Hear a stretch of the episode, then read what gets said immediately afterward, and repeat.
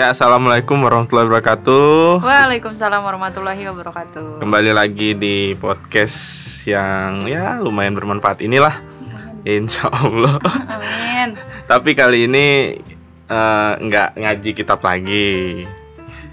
Kebetulan nih gue ada tamu jauh Jauh banget.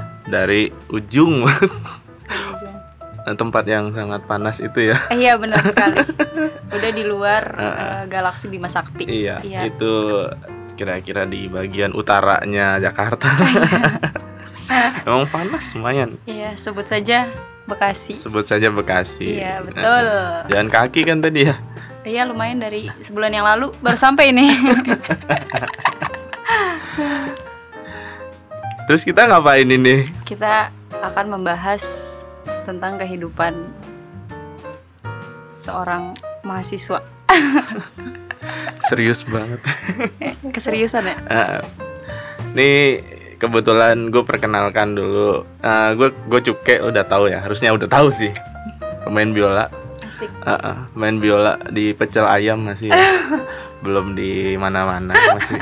Tapi kebetulan main biola aja. Nah ini di samping gue sekarang ada teman gue namanya Yunita. Yeay. Yunita Nur Nurul Nurul Fajrina. Fajrina. Iya. Yang artinya Yang artinya adalah Yunita dulu mama tuh obsesi banget anaknya mau jadi seorang dokter. Dan dulu dokter yang ngerawat aku pada saat aku melahir lahir itu namanya dokter Yunita gitu. jadi Tapi jadi itu nama dokter iya ya. itu nama dokter. Kirain nama dokter mana gitu Eh, kan bukan. ternyata dokter yang Iya dokter yang membantu persalinan mama pada saat itu namanya dokter Yunita. Karena mama obses banget, aku ingin menjadi dokter nantinya. Hmm. Jadi namanya Yunita juga. Padahal Oh, iya. hmm, kuliahnya ah, bukan kedokteran. Oh bukan kedokteran. Bukan. Eh, Nurul Fajrina Nurul apa? Fajrina, Nurul itu kan nur cahaya. Cahaya dong, cahaya. Iya. Bersinar, Oh, iya, bersih. menerangi bumi yang panas ini. Oh iya, insya Allah ya. iya Nurul, cahaya, Fajrina itu fajar karena pas pas lagi itu lahirnya habis subuh. Subuh. Iya. Untung nggak malam ya. Iya, Kalau malam lail berarti. iya benar. Kan fajar. Nah, kebetulan nih Yunita ini dia multi talent lah sebenarnya. Dari mana? multi talent. Eh, dia aktif di beberapa tempat ya. Iya iya. Salah satunya di kampus, di kampus dia kuliah. Jurusan apa Yun? Jurusan pendidikan biologi. Semester nggak usah ya? Nggak usah, nggak usah. semester nggak usah. Pokoknya semesternya kira-kira ujung lah gitu. Iya, udah ujung lah. udah, udah ujung lah ya. Nah, tapi dia juga aktif nih. Aktif nggak sekedar belajar di kampus, pulang belajar langsung pulang ke rumah nggak Hmm, ngekos. ngekos. Terus ikut aktivitas di bidang kesenian lah. Nih, salah satunya Salah bidang satunya. kesenian nih. Iya betul. Mm-mm. Makanya gue bisa bilang dia ini multi talent. Padahal nggak bisa ngapa-ngapain juga. Asli. Soalnya pertama kali ketemu sama dia, gue ngelihat dia tuh main gamelan. Oh iya ya, Pertama kali, iya. gamelan. Ah, ah, pertama kali ngelihatnya main gamelan. Main gamelan tahu? Di mana? Di mana? Di, di ini. Ini di- Karawitan ya? Iya, Oh, Karawitan. Di belakang banget. Oh iya benar. Heeh. Saking ininya nggak kelihatan emang. ah, pokoknya ada lah, misalnya dari jauh nih, nih orang nggak ya gitu. Kok bunyi gitu? Kok ada bunyinya orangnya nggak ada. Ah, ah. iya, Oh diliatin, oh iya ada orang. Iya iya iya. Iya. Ternyata tuh namanya Yunita. Hmm. Terus dia main gitarnya jago, nyanyinya alhamdulillah. Ya Allah. ini udah agak berlebihan ini.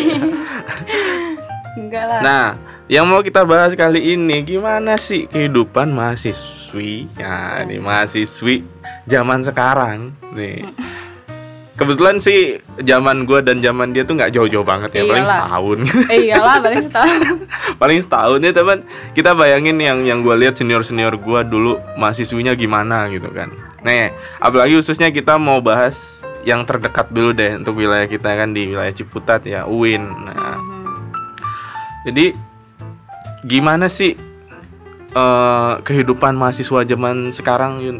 Apalagi katanya nih tugas-tugas sudah mulai menumpuk nih. Oh iya, iya.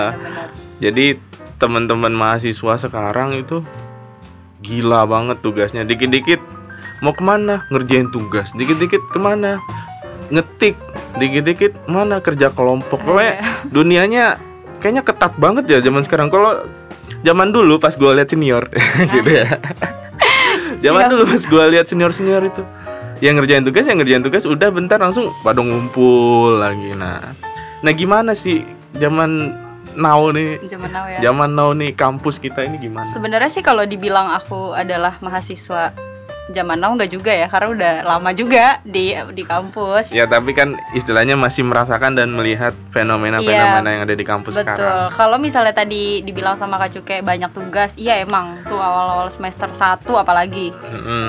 Eh, aku nggak bisa bicara gimana jurusan lain atau gimana fakultas lain, tapi ini eh, dari sisi pendidikan biologi sendiri gitu. ya Dari semester 1 itu kita udah dikasih cobaan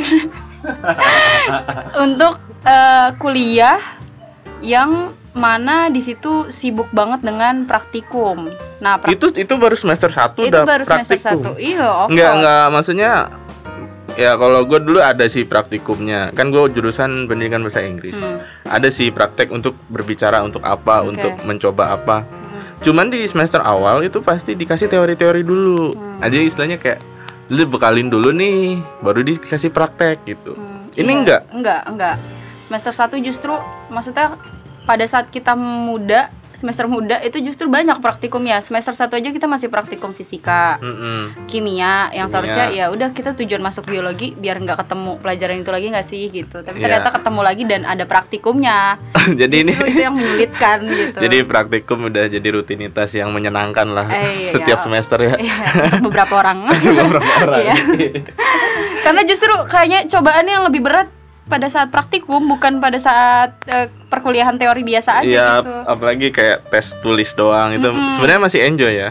Iya, kalau itu masih enjoy kalau udah- dibandingkan dengan yang praktikum ini, Iya, kayaknya lebih menegangkan ya. Iya, karena kita di situ mentalnya diuji ya.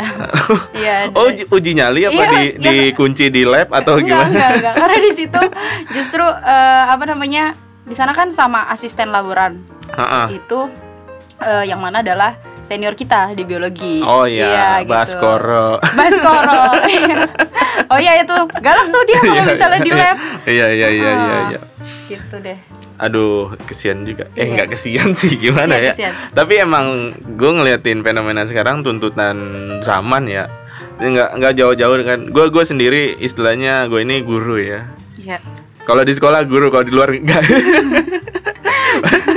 Harus loh tetap Iya. membawa ini keguruan. Pokoknya kalau nggak nggak kelihatan murid kayaknya berasa bukan guru Oh, aja iya, lah. iya. Berasa pemain biola pinggir jalan dulu Oke. lah. Kalau belum disalimin belum guru. belum, belum. Kalau berasa pakai kaos belum berasa gu- Oke. belum berasa jadi guru Jadi nih. Nah, anak-anak zaman sekarang di SD ini ya. Di SD itu berasa banget deh.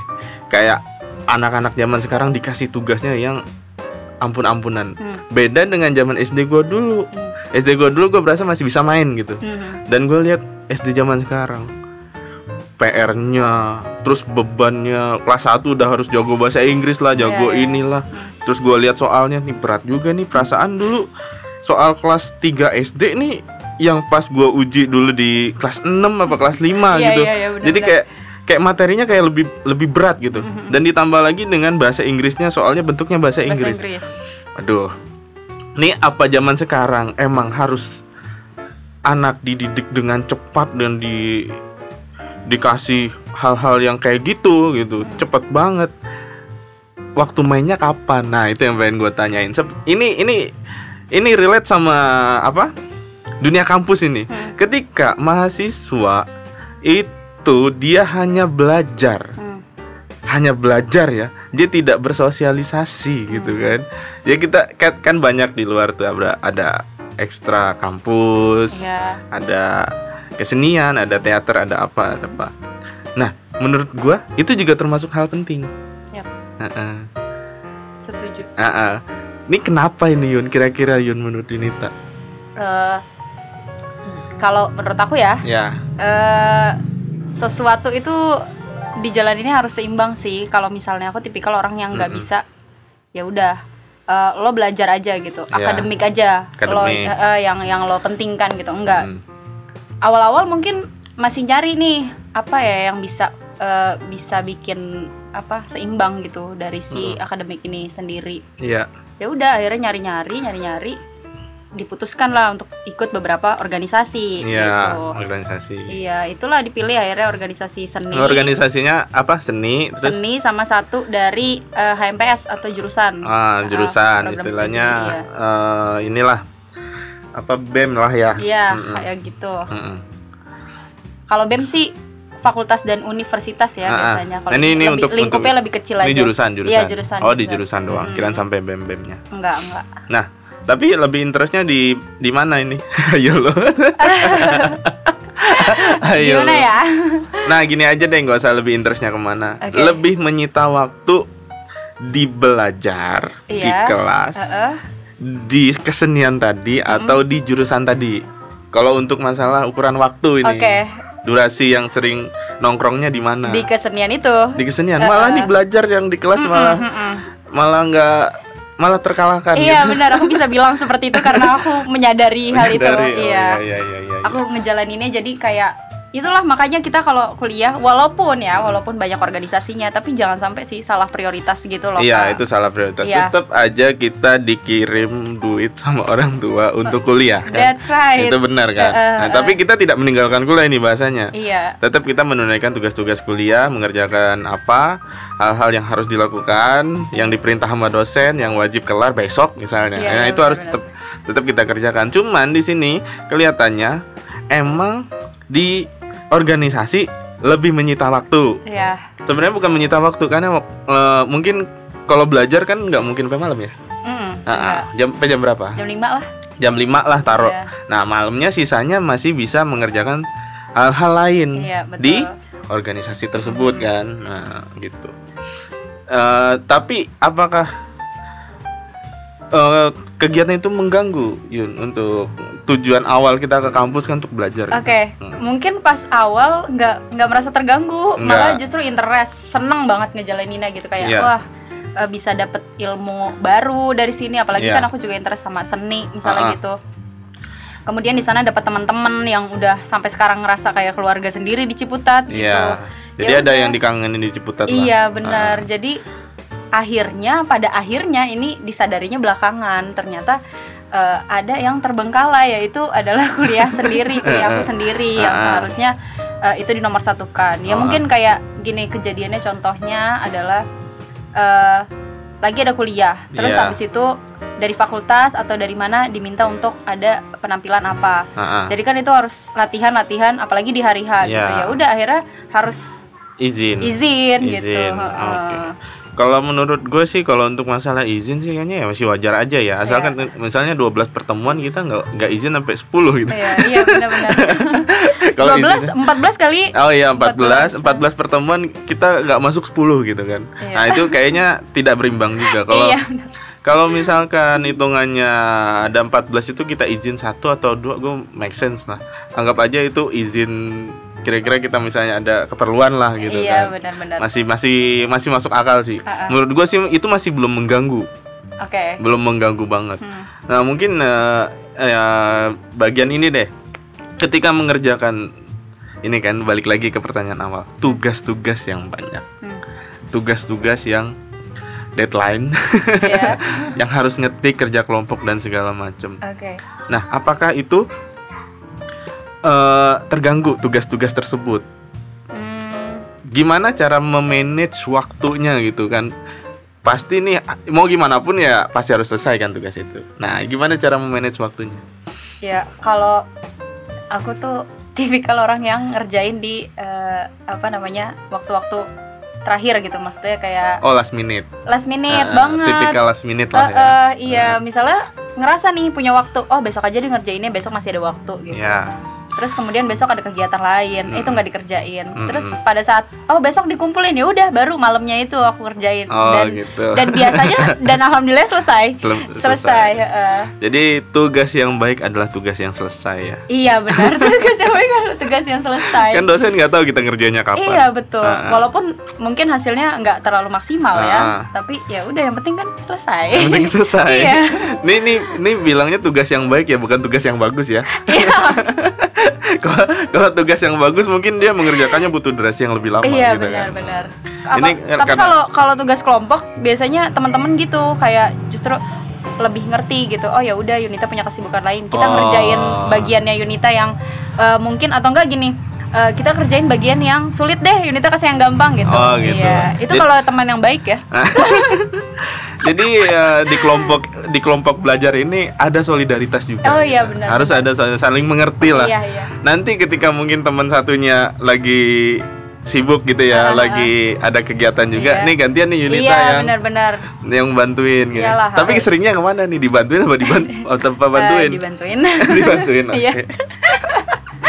Dibantuin Aduh. atau enggak tapi gini kak kalau misalnya tugas yang eh, kelompok Iya. biasanya aku lebih memprioritaskan itu sih Apa itu? Eh, maksudnya tugas kelompok kalau Mm-mm. misalnya ini tugas individu baru aku kayak s- apa eh, leha-leha gitu tapi kalau tugas ah. kelompok biasanya aku langsung nanya nanyain aku harus ngerjain yang mana gitu Oh, lebih lebih aware lah. iya ya. lebih aware karena Ah. ngerasa ini adalah tanggung jawab bersama Ah, gitu bukan aku sendiri Kalau leha-leha kan nggak ada yang ngingetin ya. Iya, Kalau apa tugas sendiri itu. iya benar Kalau tugas kelompok jadi eh kapan nih ngerjain kan iya gitu ya. iya iya Ah, benar-benar gitu. ya itulah Tapi eh, untuk masalah ini ya pelajaran yang lu dapet ini, ini pelajaran yang lu dapet. Oke kita udah tahu lu, lu masuk jurusan biologi ya, Mm-mm. biologi. Ilmu biologi pasti dapet.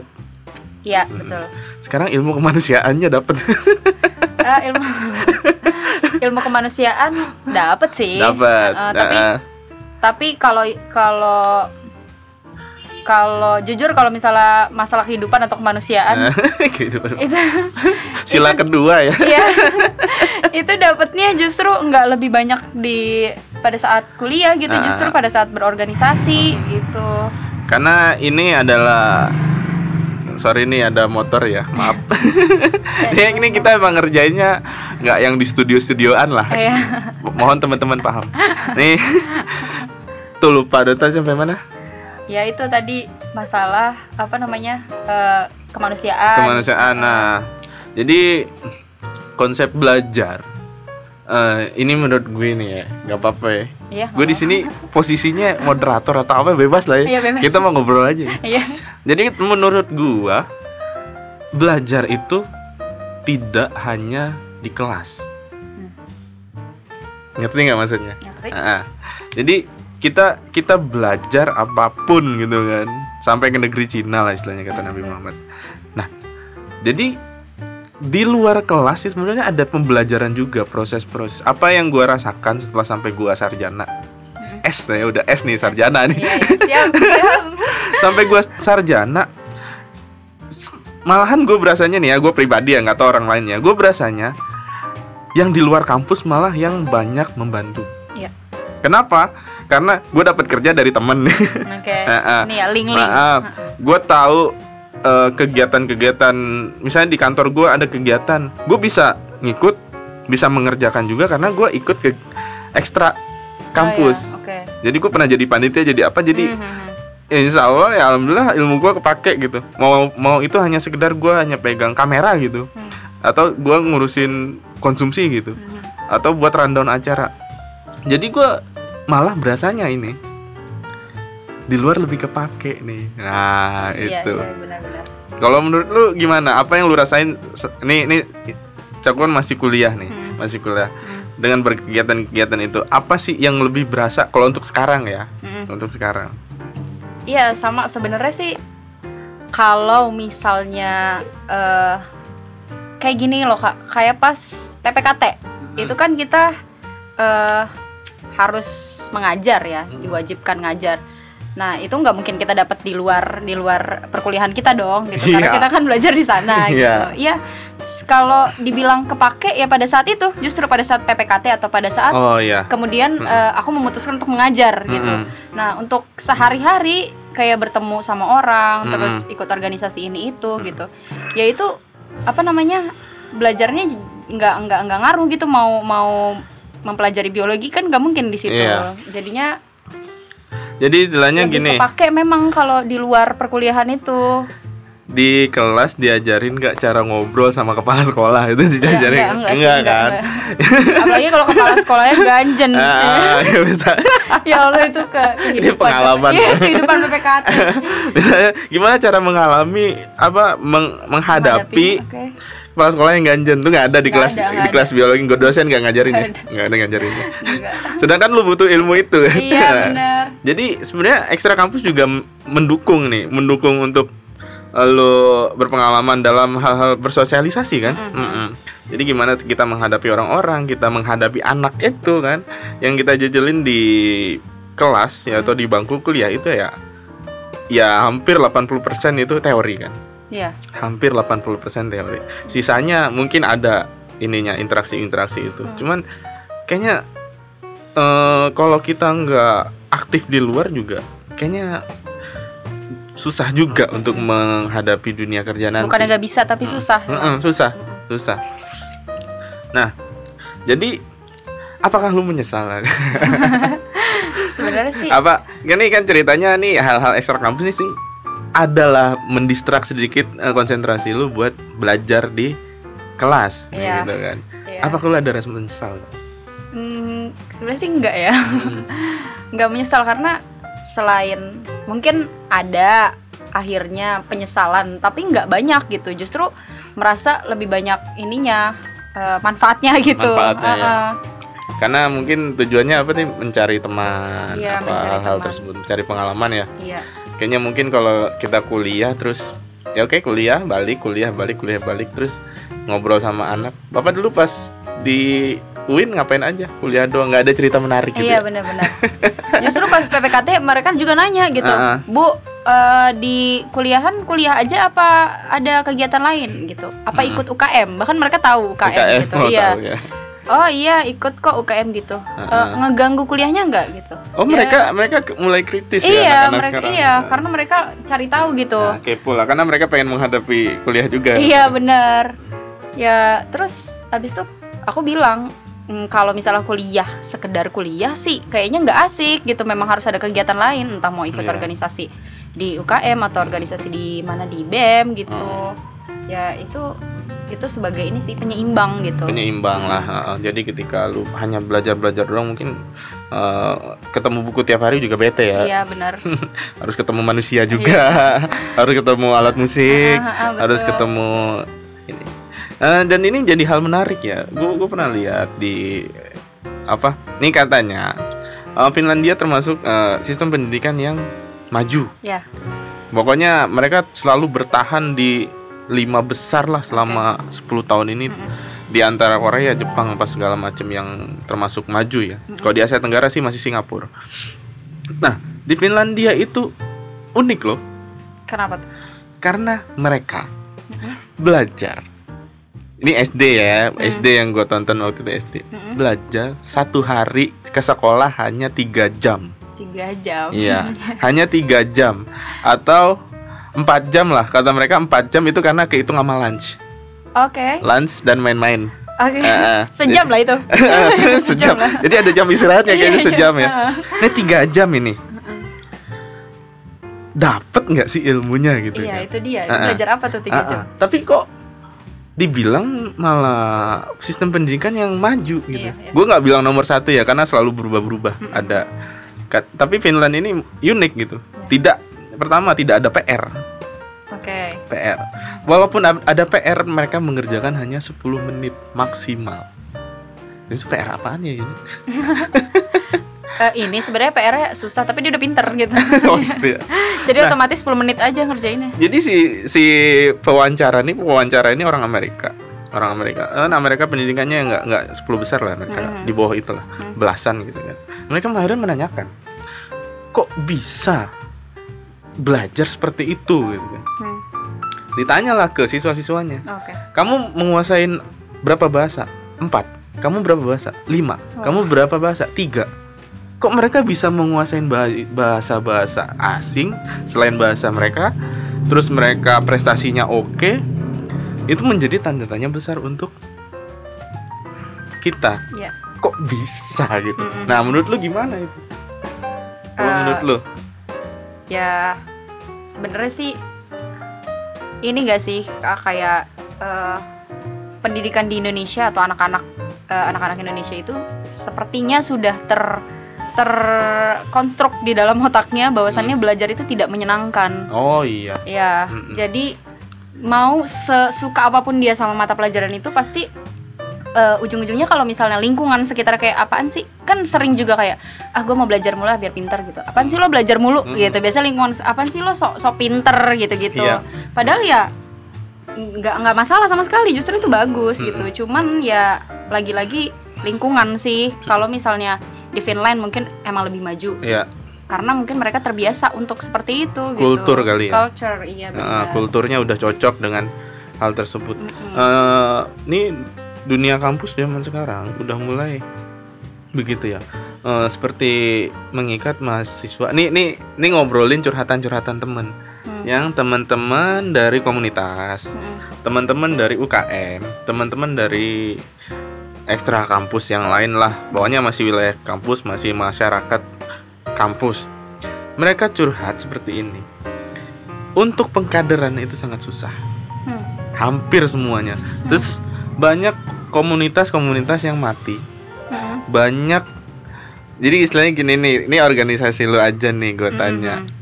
Oke, Set- sekarang kita bahas it- it- organisasi. eh, ya. eh, hitungan lu dari berapa tahun yang lalu yang masuk organisasi sampai sekarang itu angkanya mengalami kemun- kemunduran apa tidak? Iya, Ah. Drastis apa tidak? drastis sih enggak, cuman mundur iya, Mm-mm. berkurang, semakin berkurang ke sini. Padahal istilahnya zaman dulu misalnya kita bisa menggait 200 orang misalnya kan. Tuh tuh kok tinggal 150 gitu kan. Mhm. Nah nih gue pengen nanya nih in- interest mahasiswa zaman sekarang kira-kira kenapa ya kok untuk hal-hal ekstra kampus malah susah? Apakah karena tugas yang menumpuk tadi sebagai salah satu atau mereka emang dari dalam dirinya nih yang agak kurang untuk aktif di luar gitu? Kalau menurut aku sih, eh mungkin ya itu satu alasan yang tadi eh, mereka mementingkan akademisnya. Ya akademis. Hmm. Eh, itu itu alasan pertama. Cuman Hmm. lagi-lagi sebenarnya semua orang tuh bisa gitu mm, sambil belajar sambil berorganisasi gitu. Iya, bisa banget. Iya bisa banget kan. Hmm. Nah satu lagi mungkin kalau pengkaderan nih Mm-mm. istilahnya eh, untuk regenerasi anggota gitu di Hmm. dalam organisasi itu. Kalau dinilai dari seni nih, Kak, Ya. misalnya organisasi seni, organisasi seni rata-rata mereka yang ingin masuk organisasi ini eh, punya tujuan yang sama, yaitu bisa mempelajari sesuatu atau bisa eh, bisa apa ya, bisa melakukan sesuatu di dalam situ. Kayak misalnya dia masuk kan kalau di organisasi seni, aku nih ya misalnya ada belajar tari, belajar band, misalnya Ya. belajar instrumen apa gitu ya ketika dia masuk ke dalam organisasi ini terus dia eh, menjalani lah dua minggu sebulan. Terus ternyata nggak ada progres yang jelas gitu.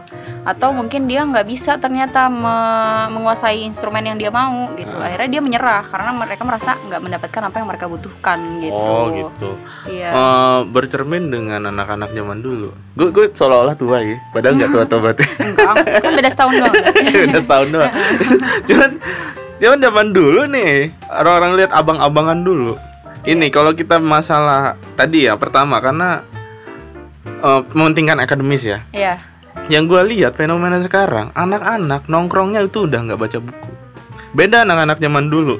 Hmm. mereka di lobi-lobi di mana di taman-taman itu masih banyak sekali diskusi sampai malam iya iya Ah, sekarang udah jarang dan terlihat sekarang gue lihat udah pada nongkrong di kafe Iya, pada benar-benar. nongkrong di mana Aha. pada nongkrong di mana terus yang gue perhatikan mereka ya bahasanya ya ya bahas sosmed bahas Iya, YouTube benar-benar. bahas hoax bahas apa gitu kan iya iya iya Nah, apakah ini tanda tanya lagi nih kan? Jadi tanda tanya lagi kok bisa begini?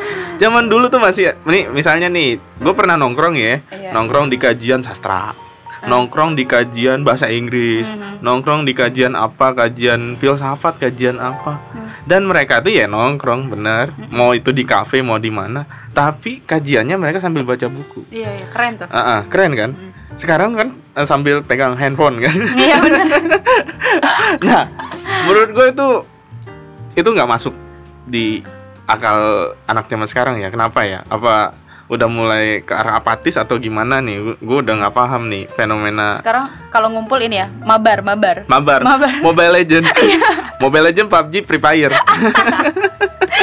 iya tuh, iya benar benar benar. Ah. Sampai yang nggak main itu jadi kayak eh main apaan sih itu? iya main gitu. apaan sih? Downloadin dong gitu. Iya, iya. Padahal ikut-ikutan doang. Nah itu ji itu terbantahkan, Yun. Menurut gua terbantahkan. Nggak tahu nih menurut lu gimana nih? Karena zaman dulu ya nongkrong gitu ya baca buku. ya. Walaupun mereka sisanya ya mau ngopi, mau ngerokok ya, kehi- kehidupan mahasiswa lah. Mm-mm. Mau cewek mau mau cowok. Nah, malah komunitas-komunitas kajian kayak gini, kajian-kajian penting, ya, si- ngobrolin filsafat apa itu berkurang, hampir dibilang tidak ada. Hmm. Misalnya dulu kan di Tarbiyah di fakultas apa pendidikan itu Hmm. di kantinnya itu ada namanya majelis kantinia. Ya, ya, ya. Nah, Ah. majelis kantinnya itu adalah tongkrongan anak-anak PBI, PBSI, ya. anak-anak bahasa Indonesia yang mengkaji sastra di sana. Mhm.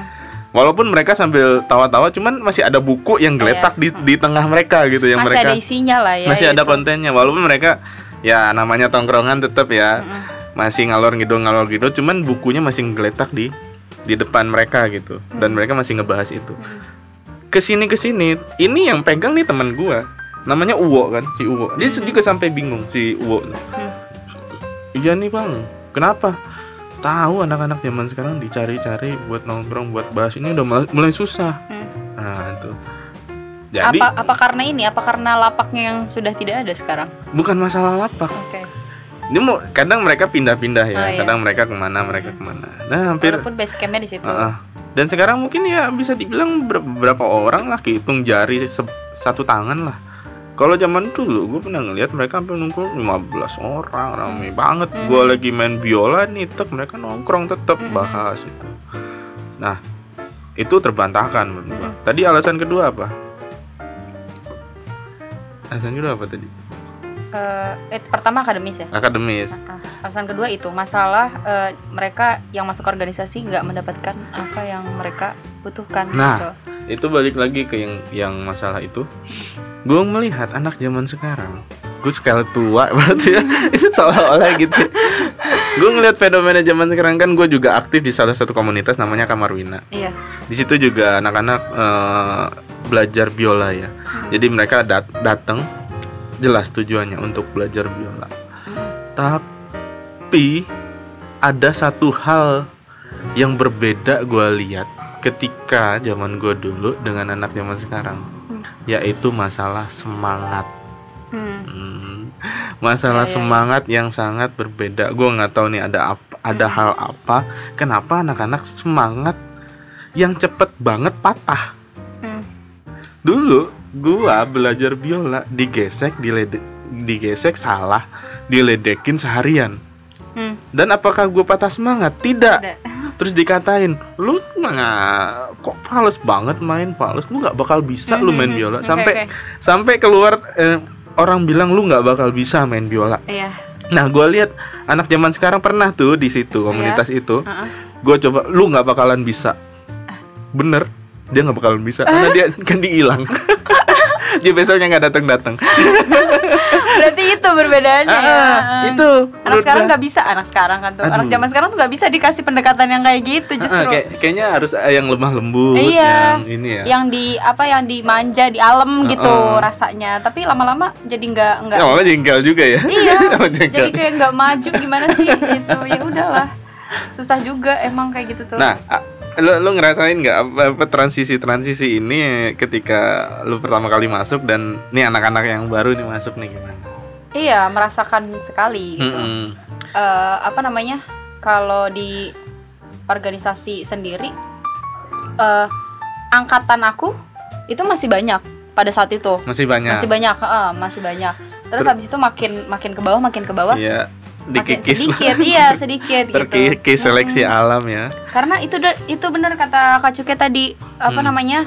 Ada anak-anak yang justru padahal itu salah satu bentuk kita menyemangati dia gitu. Iya, menyemangati. Eh, eh, kayak dengan eh, masa kayak gitu aja ini sih salah gitu. Iya.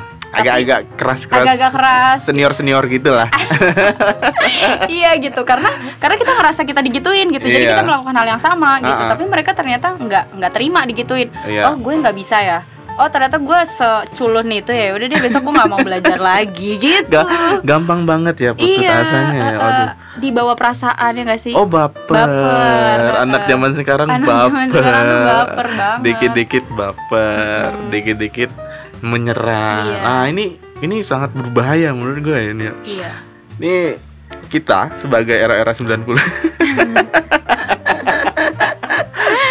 kita sebagai era-era 90 ini menurut gue adalah mata rantai yang sangat penting. Mhm. Karena kita mengalami hal-hal yang sulit ya. Hal-hal yang sulit yang sebelum reformasi ya. iya Dan hal-hal yang dimanja Mm-mm. sampai zaman sekarang. iya iya Nah, jadi istilahnya gini ya.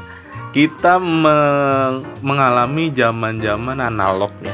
Pertama kali main PS Ah, gitu kan. Sampai sekarang main Gimbot. game itu main gimbot ya gimbot.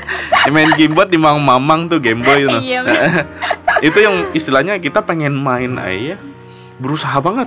Mm-mm. main gimbot nih berusaha banget iya ya. iya benar Sampai nyewa sama abangnya. Terus kalau kalau udah mau habis diapain? Dia apa? Ditarik. Ditarik. Ditarik apa apa. Eh ini udah habis nih. Ngasih lagi. iya Go- tambah lagi gope Iya, tambah lagi gope bang Sampai kita ngalami anak zaman sekarang yang main lewat handphone doang. iya Yang benar istilahnya tidak berbayar lagi lah. Mhm. Istilah istilahnya lebih murah lah daripada zaman dulu kan. nggak ada abang-abang lagi Nggak ada abang-abang lagi. Nggak ada nggak ada namanya eh, lapangan pekerjaan abang-abang jualan game. Nggak ada. nggak ada nggak ada ya udah nggak ada lagi aduh nah jadi kita nih mungkin ya mungkin ya yang gue gue pikirkan nih Iya. mungkin kita itu orang orang-orang yang istilahnya semangatnya masih semangat an- orang-orang zaman dulu tapi kita ini bukan orang tua gitu Mhm. orang-orang zaman dulu yang masih semangat gitu karena melewati hal-hal sulit iya di di era-era 90 Iya, iya, ya, benar-benar. 90 gitu kan. Tapi kita juga mengalami era-era digital dan era-era internet. Iya. Nah, itu kan tuh Nah, kalau anak 2000-an kan nggak ngalamin tuh. Ah. Nggak ngalamin. Kita ada di masa-masa transisi. Iya. Istilahnya mau main tendo aja ke rumah temen dulu. Iya benar yang punya yang, yang punya yang punya ya walaupun istilahnya yang punya TV udah banyak lah ya Iya, zaman iya. itu ya nggak nggak zaman 80 yang punya TV sekampung cuma dua orang gitu Iya. yang nonton bulu tangkis nonton bulu tangkis nobar. nobar Iya. TV-nya kecil yang nonton 50 orang Iya. ini kelihatan gak sih gitu kan nah ini anak-anak 2000-an Nah, ini kayaknya menarik nih kalau misalnya kita nanti adalah satu kali waktu Hmm. panggil anak tahun 2000 ribuan ya eh.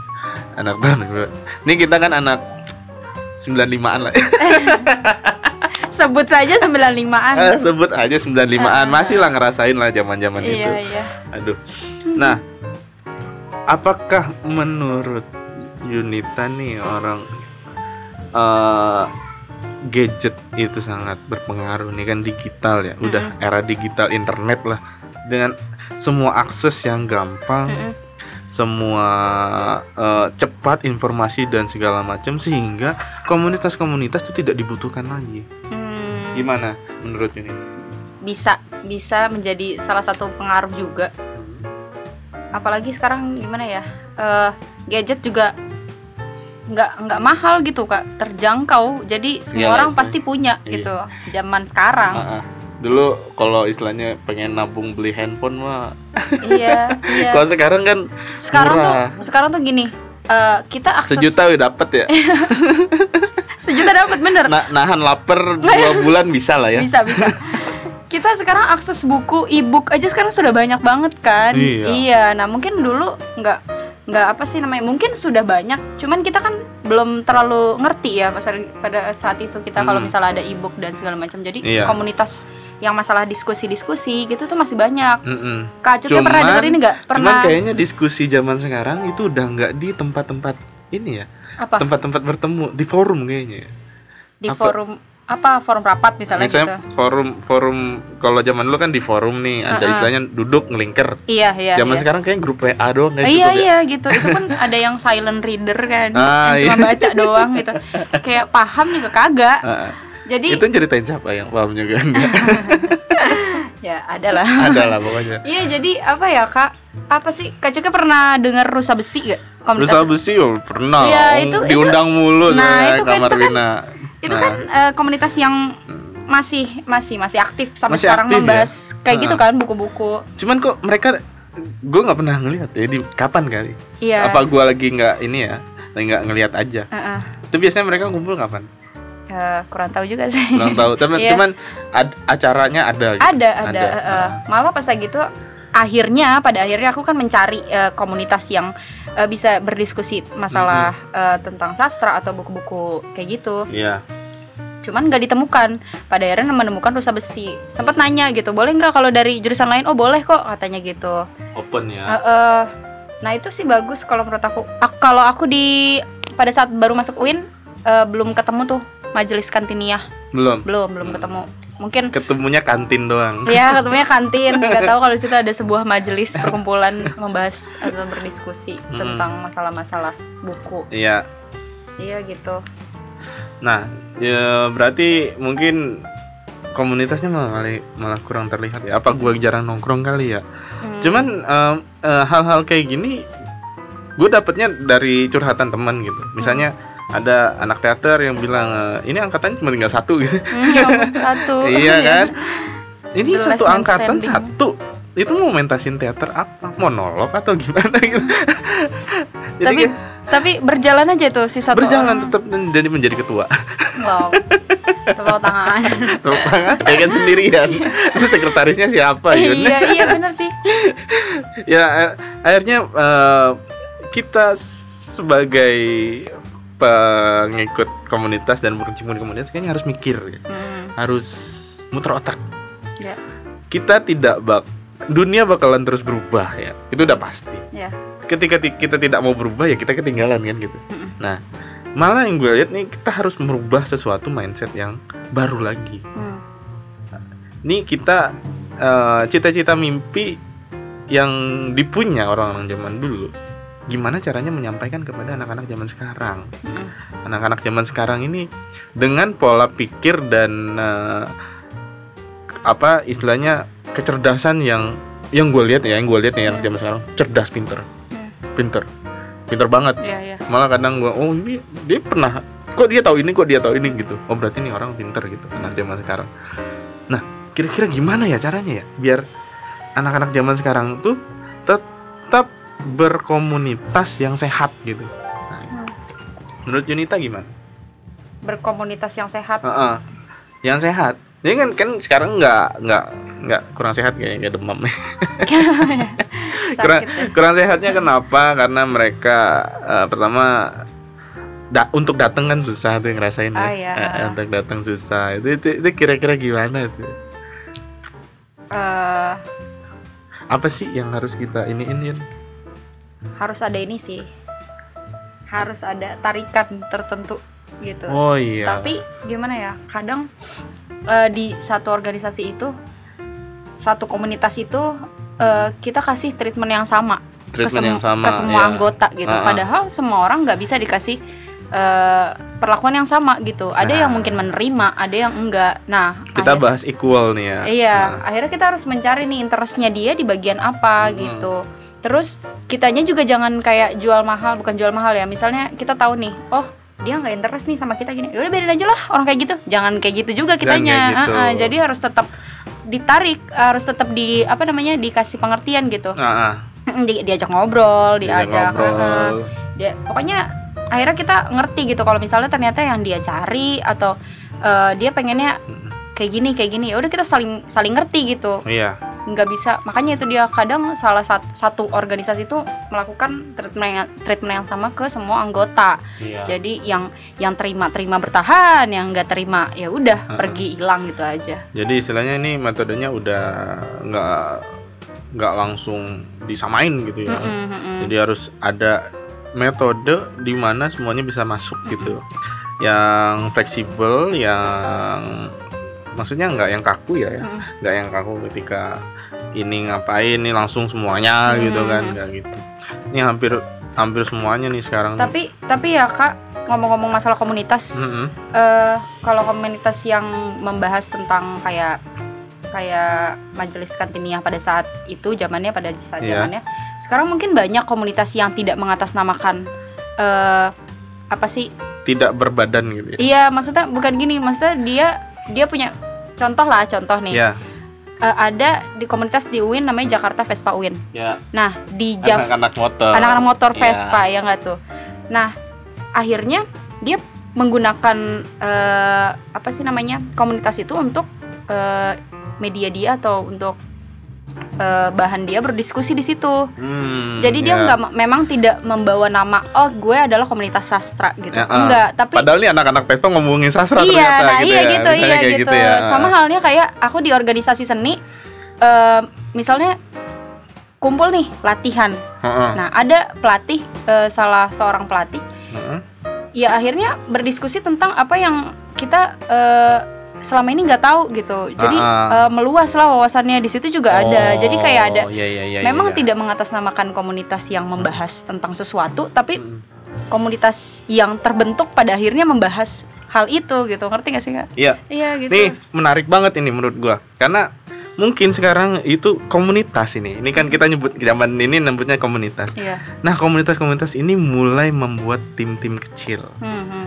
Jadi istilahnya gini kan, istilahnya ini komunitas Vespa. Mm-mm. Nanti ada beberapa tim-tim kecil misalnya yang interest ke ini, Iya iya. Ah, oh iya benar benar interest- ke sastra. Akhirnya tuh anak-anak Vespa ini Mm-mm. ada beberapa yang ngobrolin sastra. Iya nah. Ada beberapa yang ngobrolin eh, di luar sa- filsafat bisa, Iya, ada iya. ngobrolin kedokteran misalnya, Iya, iya. iseng gitu ya. Siapa tahu. Nah, coba tahu anak Iya. Vespa jago juga masalah biologinya kan.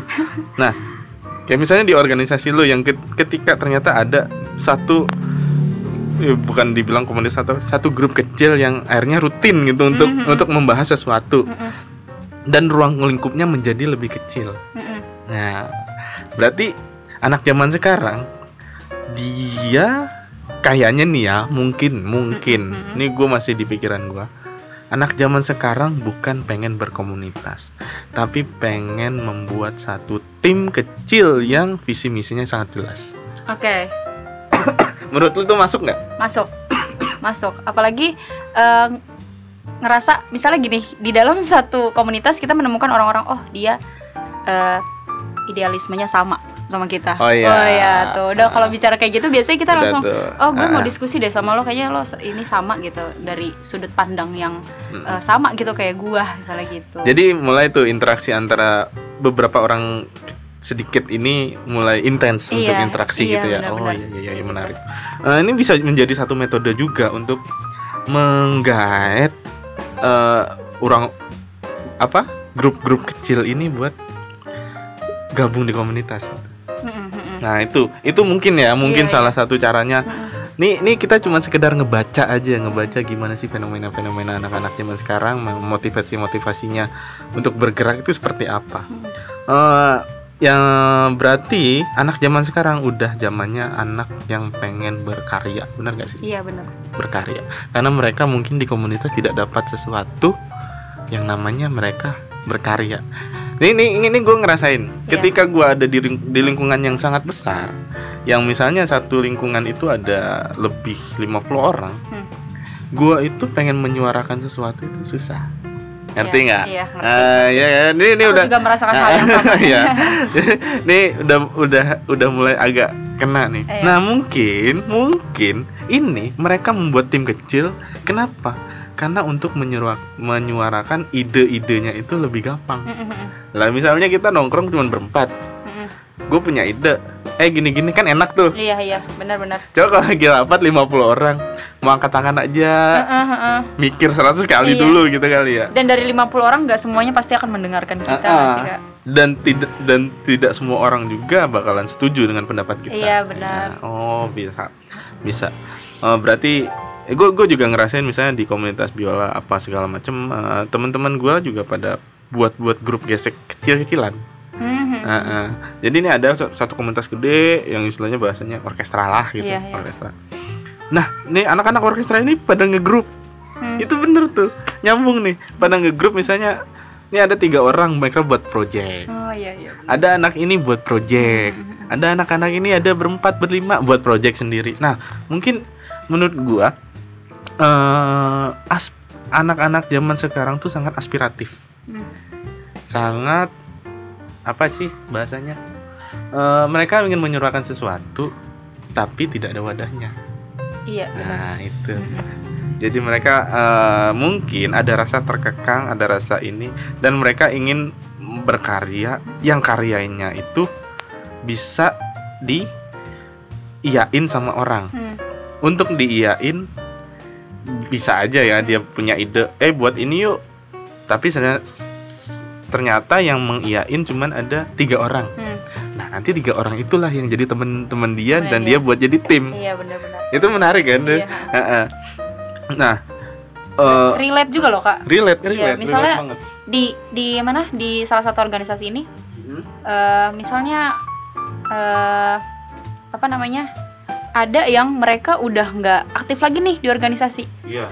Tapi mereka tapi mereka masih main bareng nih bertiga dan ketemunya di Hmm. organisasi itu dan Iya. mereka bertiga ya akhirnya eh, ya tetap tetap main bareng gitu Tetap walaupun main bareng. walaupun mereka udah nggak berada di organisasi itu gitu. Hmm. Iya, itu berarti bener akhirnya. Iya. Akhirnya kita menemukan salah satu. Benar. Akhirnya kekurang, kekurangan anggota atau makin berkurangnya anggota bisa juga disambungin ke situ tuh. Disambungin ke situ. Nah, itu tinggal kita cari metodenya. Tapi bukan PR kita sih. Iya, kita iya. coba memunculkan ini ya. Iya, kita coba Wah. curhat aja sih. Curhat aja. Waduh, menarik juga nih ya. Iya. Menarik juga nih eh, pembahasan kita kali ini nih. Mungkin nanti di sambung lagi lah. Pokoknya intinya nih kehidupan mahasiswa zaman sekarang yang disebut oleh banyak orang tuh anak-anak milenial, milenial, Iya. milenium kali ya. Panji manusia milenial kali ya. Jangan dong itu itu nggak anak-anak zaman sekarang nggak akan tahu. Oh, iya. Karena itu udah ketahuan tuanya kita. Itu kan tahun 2000-an tuh Panji manusia milenial. iya. Sama Saras 007 ya.